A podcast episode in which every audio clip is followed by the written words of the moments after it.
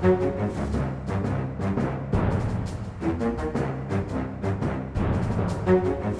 nei, men Så fint. Da er vi i gang med en eh, liten ekstrautgave av Aftenpodden. Vi lovet det, og vi leverer.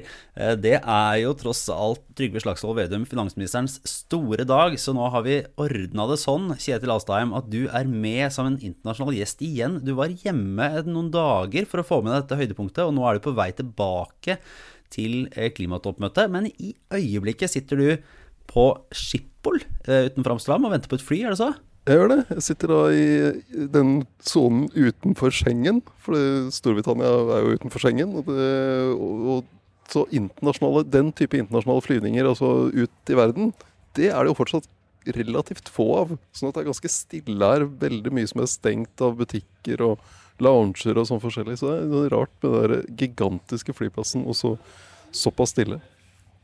Bra for klimaet, da, sikkert. Ja, hvis det er noen eh, små lyder i bakgrunnen, så er det da våre reisende og verden som er i ferd med å falle på plass igjen da etter halvannet år, eller snart to, med, med begrensninger. Så da må vi vel tillate at eh, folk er ute og, og av og til eh, forstyrrer en liten podkastinnspilling, men vi skal gjøre vårt beste. Men eh, vi får starte kronologisk med, med morgentimene her.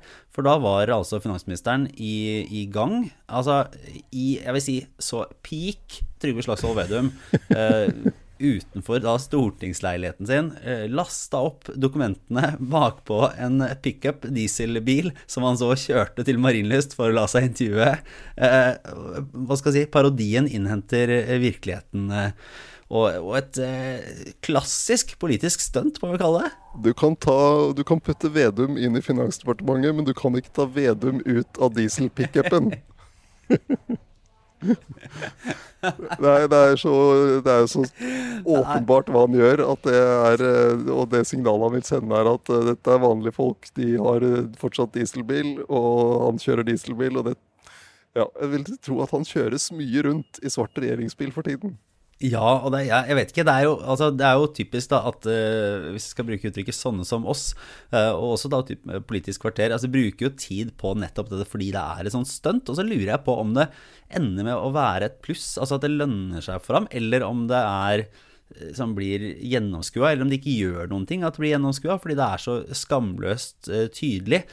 Eh, Det er litt sånn eh, Det er Vedums oppskrift er bare er, Han smører så tjukt på at det er helt, det er helt fascinerende å se på. Jeg tror vel fordelen hans er at han bare eier det. Han bare er nettopp skamløs og kjører det, og sånn eh, bruker hele landet, eller hele Norge, ti ganger i finanstalen sin, og avslutter med 'det Norge vi er så glad i'. Eh, så det, jeg tror nok det Han må liksom gå all in, og det gjør han. Ja, men du var jo da på plass også i Stortinget i dag.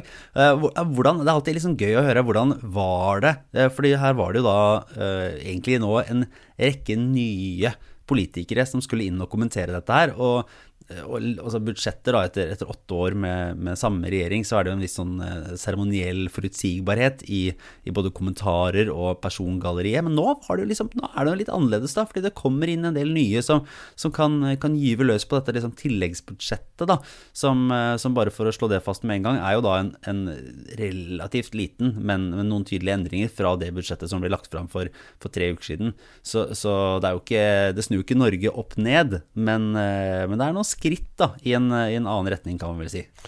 Ja, ja det, det, er, det er morsomt å høre ham i den nye rollen. Han, han greier jo å, å beholde sin måte å snakke på. Den finanstalen hans var jo veldig ulik f.eks. Jan Tore Sanners eh, tale. Eh, nå litt sånn tidvis over i det, det som ville vært en eh, mer politisk tale sånn i en partisammenheng. Og så var det artig med, med nye finanspolitikere som da er oppe og, og kommenterer. Nå er jo Sveinung, Sveinung Rotevatn er blitt finanspolitisk talsmann for, for Venstre. Uh, og du har uh, Tina Bru, finanspolitisk talsperson for Høyre. Og Rødt, som har sin nestleder. Marie Sneve Martinussen, som, som har Når det kommer da altså Jo mindre partiene blir, jo lenger bak i rekka kommer de jo. Og så begynner presselosjen sånn gradvis å tømmes når de største, mest interessante partiene har snakket. Og særlig da Altså SV er jo viktig, ikke sant? Og så kommer de andre, og da, da, blir, det, da blir de utålmodige og trekker ut i vandrehallen. Eh, så det er en sånn utfordring for de som kommer sist. da. Nå er jo ikke Rødt helt sist, men, men hun var ganske frisk altså, i, i retorikken. Trakk inn, brukte der Maskorama-opptredenen til, til Vedum og sånn. Så det, det, kan, det bidrar jo til en litt uh, morsom debatt og med litt nye folk. Nå er, det, nå er, det, jo flere av de som er finanspolitiske talspersoner som strengt tatt ikke er så fryktelig nye. Flere av dem har jo vært statsråder bl.a., men det er jo likevel en, en eh, generasjon politikere, da, og, og, det å sitte i finanskomiteen regnes jo som å være måte, det, er, det, er, De som sitter der, er de som eh, kommer til å prege både norsk politikk og sitt partis ledelse, da, ofte i, i, i tiår framover. Uh, i veldig mange tilfeller. Og nå er det jo en generasjon med erfarne, men dyktige politikere som, eh, som kan gå løs på, på regjeringen og, og, være med å forhandle videre. Men hvis vi bare går, eh, går til kjernen, hva, hva, er egentlig de mest sånn minneverdige tinga som, som kommer da fra fra Vedum og, og Støres uh, nye regjering? Nei, Hvis vi skal begynne på de store tallene her, da, oljepengebruken, så er det jo verdt å notere at de ikke øker oljepengebruken. Uh, selv om det helt sikkert var fristende. Det er jo mye de gjerne skulle gjort. Det er jo løfter de det nok har vært en forventning om at de skulle oppfylle, bl.a. dette med feriepenger til, til arbeidsløse, som de ikke legger inn nå. Uh, og det jo, står jo i motsetning til hva Erna Solberg eh, gjorde høsten 2013. Hun og finansminister Siv Jensen gikk rett i oljefondet og hentet ut 4 milliarder ekstra for å få på plass litt flere skattekutt og litt annet. Så det er, uh, det, det er verdt å merke seg. Altså. Det, det syns jeg var interessant. Men er det noe som eh, altså For dette har jo, det har jo vært sagt mange ganger at eh, ja, man skal stramme inn på oljepengebruken. Og så, og så, har det stadig vært litt mer å finne, eh, særlig når man skal til Stortinget for å forhandle. Da. Og, og her er det jo i første omgang SV som skal, skal, inn og se om de kan danne et flertall for dette budsjettet. Og de kommer jo helt sikkert altså, til å, å kreve mer penger. Er det, er det egentlig sånn at Eh, regjeringen har skapt seg litt sånn handlingsrom inn i de forhandlingene med å være forsiktige eh, så langt? Eh, eller tror du at de kommer til å stå for Altså det her er en veldig farlig spådom å komme av, for fordi det, her har politikerne gått på, på utsida av tidligere pengebruk år for år for år. Men, men, er det noe som tyder på at de kommer til å faktisk holde igjen Eh, også når, eh, når, det skal forhandles i Stortinget om, om, eh, om det endelige budsjettet? Ja, men det er to ting som taler for det. Det ene er at også SV har, vært, har kritisert uh, oljepengebruken til uh, Solberg-regjeringen, så de har også noe å vise på det området. Og det andre er det argumentet som Vedum bruker i budsjettdokumentet for hvorfor det er riktig å ikke bruke mer penger. Og det er at hvis de heller mer penger inn i økonomien, så øker det faren for en raskere rente Eh, at renten går opp raskere, og at kronekursen, at krona blir sterkere. og da rammer En sterkere krone vil ramme norske eksportbedrifter. Og økt rente vil jo da spise opp den gevinsten familier får f.eks. av at de får billigere barnehage. Sånn at eh, Eh, det er hensyn til vanlige folk som gjør at, eh, at eh, oljepengebruken må holdes i tømme. Men når det gjelder pengebruken selv, så får de jo da De får jo litt sånn ulik kritikk, egentlig. Høyre går jo ut og sier at dette her er for, måte, for tynt, spredt utover, lite effektfullt, dårlige løsninger. Interessant i og for seg å se at SV, da, som, som antageligvis kommer til å skulle finne en enighet, de var både krasse og veldig lite spesifikke. Mm. De kaller det jo grått eh, og, og for tamt. Men eh, det var ikke mange konkrete punkter de var villige til å si at eh, her må vi ha gjennomslag for å i veien videre? Nei, jeg synes akkurat det der med mm, Ta f.eks. det kuttet i elavgiften. Det er jo nesten 3 milliarder kroner. Det er veldig mye penger. Og det går jo til altså det, er jo ingen, det er jo ikke noe sosial profil på det. De som bruker mest strøm, er de som har størst boliger og to hytter og diger elbil eller to som de mm. lader i garasjen. og de, de kommer jo til å, å hente ut en, en innsparing på det. men argument, Hvis du hører på liksom, retorikken, så handler jo det, den vanlige folk-retorikken Den gjør jo at du skal gi det til alle. Uh, mens den med å bekjempe ulikhet ville vært et argument for å ta det mer målrettet. Prøve å gjøre mer for folk som da faktisk har problemer. Uh, det, det, så der ligger det et sånt spenn i, i det som er den regjeringens prosjekt. Den ene siden vanlige folk, den andre siden de som egentlig ikke er helt vanlige, men har litt dårligere råd enn vanlige folk.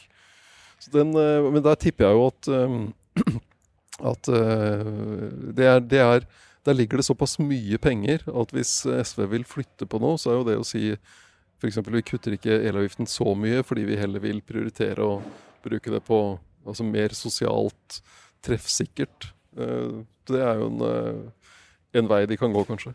Er det noen andre saker? Altså jo, de har jo da gått inn for å egentlig følge opp den CO2-avgiftsmodellen som, eh, som, forrige regjering eh, la opp til, hvis jeg har forstått det riktig. Men kommer med en sånn kompenserende tiltak for, eh, for, de, som kjører, for de som kjører, bil. Så, så man driver og balanserer og prøver seg på, på noe av den den spriket til, til, Senterpartiet her også. Gjør det, og den får du jo problemer med overfor SV. Fordi fordi da, da, blir det jo uklart hva som Altså du får en dårligere klimaeffekt av å, uh, å sette opp CO2-avgiften når du samtidig senker veibruksavgiften for at bensin og diesel ikke skal gå så veldig mye opp. Sånn at, uh, Og der, der, vil jo det vil jo være problematisk for SV å akseptere et budsjett som har mindre effekt på utslipp enn det budsjettet som Erna Solberg og Jan Tore Sanner la frem. Så det, den, den, kommer til å bli viktig. Og så har eh, også regjeringen et problem, fordi hvis du de jo, og det har jo Espen Barth Eide selv sagt i dag til, i et intervju til DN, at eh, ja, hvis man, hvis man, gjør dette hele veien frem til 2030, så mangler de eh, ja, 1,5 million tonn eller to i kutt i utslipp. Og det er ganske mye. Uh, og så har de jo sagt at de vet ikke om de vil gjøre dette hvert år fremover, eller om det vil bli en annen modell fra 2023. Ehm, men, eh, men det er jo også De har ikke noe svar på hvordan de da skal ta de kuttene som de ikke får. Og det samtidig som dette er en regjering som har skrytt av at de skal ha et, ikke bare et eh, statsbudsjett, de skal også ha et eget klimabudsjett. Og så er det ikke så rart at de ikke har rukket å lage det akkurat nå, men det, mm. når de ikke har noe begrep om hvordan de skal ta igjen de kuttene som de mister ved å, å kompensere gjennom veibruksavgiften, så blir det jo litt problematisk. Men i de tidlige budsjettene til Erna Solberg så, så, var det jo flere saker der som, som i prioriteringene eh, endte med å bli ganske kontroversielle. Da var det jo dette kutt i barnetillegget for, eh, for uføre, eller hva, hva det nå het, og ulike sånne avgifter som, som endte med ganske mye eh, konflikt og, og strid. Det, har det, vi har ikke sett noe av de foreløpig i dag har vi det, men det er kanskje sånn som dukker opp litt etter hvert, hvis man begynner å lese de, de, den lille skriften på, på baksiden ja, av pakken. Det, det, er jo, det er jo gjerne sånn. Altså, det kommer saker opptil flere dager og uker etter at uh, sånne budsjettdokumenter er, er, lagt frem, som, uh, som ingen har oppdaget før uh, Kanskje ikke regjeringen heller, før, før, før noen graver seg dypt inn i det. Nei, nettopp. det Hvor var det man fant disse pengene? Å, ja, var der, ja. ja. Det blir vel trøbbel av. Men eh, hvis vi skal eh, få runde av Vi kommer jo tilbake til, til etterdønningene og debatten her når vi er tilbake på, på torsdag. Så, så, da tar vi, tar vi, resten av dette og litt av reaksjonene fra, fra de øvrige politikerne får man si. Og, og, vi skal vel følge opp det som skjer når, når du er tilbake i, i, Glasgow også, for å være på klimatoppmøtet. Men eh, bare hvis vi går kjapt gjennom gangen videre i, i denne prosessen nå, da, eh, for, for, disse forhandlingene, og, og, hvilke tidspunkter er det en skal følge med på da, for, å, for å forstå hva som, hva som, skjer de neste ukene. Har du, har du, det i huet når jeg bare stiller etter ja, altså, Det um, SV skal gjøre, er å legge frem et alternativt uh, budsjettforslag. Uh, og de er ikke helt ferdig med det, for de måtte jo vente på det, det Vedum kom med i dag. Og så har de stilt masse spørsmål til Finansdepartementet for å få utregninger og spar på ymse ting i budsjettet. Og de kommer til å stille flere nå. Uh, jeg, det, for, for, å få svar på det som kom i tilleggsproposisjonen.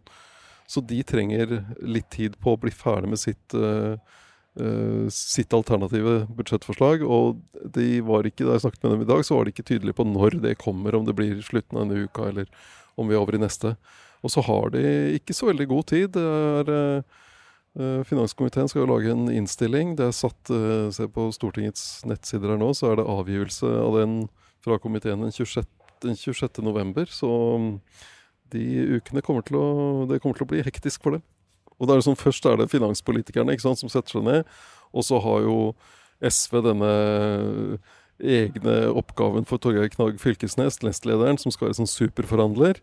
Eh, som det, hvis det går opp til opp et hakk, så blir det vel han, også de parlamentariske lederne i Arbeiderpartiet og Senterpartiet. Og hvis det går eh, Og så kan det jo dras videre til et sånt partiledernivå, der plutselig eh, Audun Lysbakken kommer på besøk i statsministerboligen og treffer Trygve Slagsvold Vedum og Jonas Gahr Støre der. For nå denne uka mener jeg der, så skal Jonas Gahr Støre flytte inn Ai, i statsministerboligen. Nå er den klar for en ny familie. Ja, men eh, Det blir jo, blir jo spennende å følge, og ikke minst om de legger opp til den sånn samme liksom dramaturgien da, som vi har kjent det fra borgerligsamarbeidet i, i perioder, der disse forhandlingene har vært veldig sånn De har trukket ut, og, og, og, og det har vært en form for sånn drama i, i opp liksom, sånn, Man har kommet til neste, neste nivå, neste nivå, helt opp til bossen, eh, og endelig stort sett har kommet med en eller annen løsning eh, litt sånn smurt av oljepengebruk og en, eh, en eh, avgift som, som dukker opp litt fra sida, enten det er på plastposer eller på, på andre ting.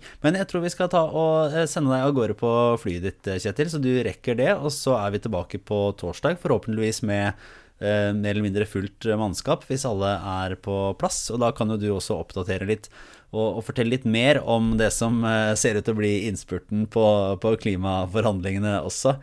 Men eh, supert at du hadde muligheten eh, her fra, fra flyplassen og hjemmekontoret. Sara Sørheim og Trine Eilertsen var eh, opptatt med annet, et såkalt liv, som de kalte det. Så vi får, eh, vi får holde det gående enn så lenge. Yes, ok. Supert. Ha det bra. Ha det bra. Takk for nå.